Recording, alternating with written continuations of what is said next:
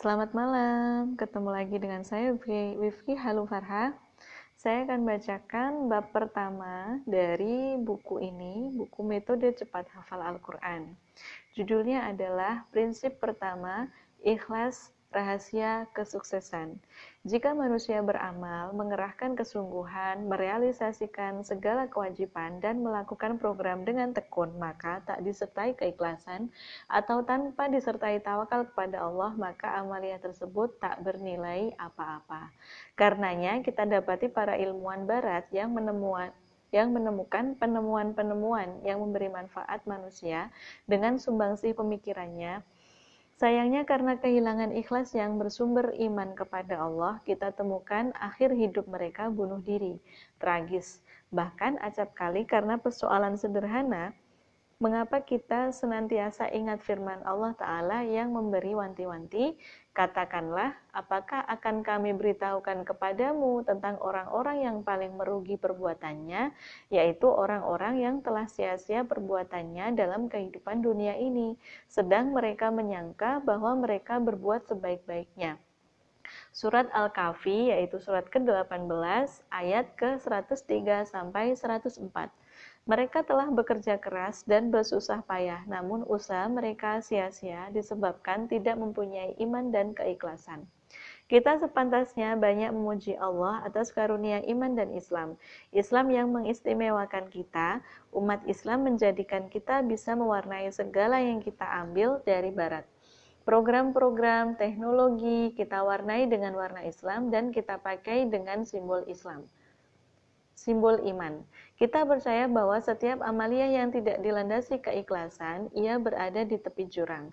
Keikhlasan adalah kancing hati, kapan pun waktunya, dan tak seorang pun melihatmu, hujamkanlah keikhlasan dalam hatimu.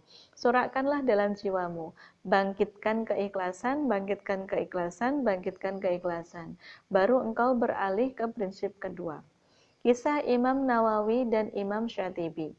Sahabatku, bicara masalah keikhlasan sebenarnya membutuhkan pertemuan lama dan contoh konkretnya sedemikian banyak di antaranya adalah kisah pengarang terkenal Imam Nawawi dan Imam Asyatibi.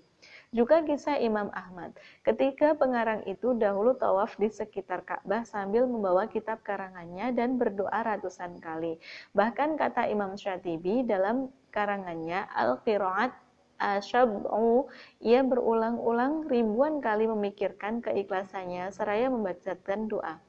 Ya Rabbi in kuntu qasadtu biha wajhaka fakatub lahal baqa'a Ya Tuhanku, jika aku berniat untuk peroleh keridoanmu semata, tolong jadikanlah karya ini mengabadi. Tidak cukup berdoa sampai di sini, bahkan Imam Asyatibi menulis doanya dalam sebuah kertas dan diletakkan dalam sebuah botol. Lantas ia tutup dan dilemparkan ke laut.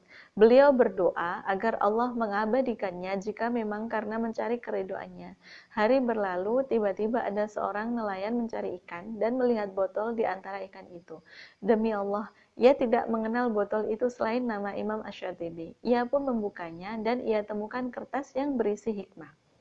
Ia membatin tercengang. Oh, Imam Asyatibi, aku harus menemuinya dan menanyakan perihal kertas dan botol ini. Si nelayan pergi menemui Imam Syatibi dan menceritakan temuannya di laut. Imam Asyatibi lantas berujar, bukalah dan bacalah.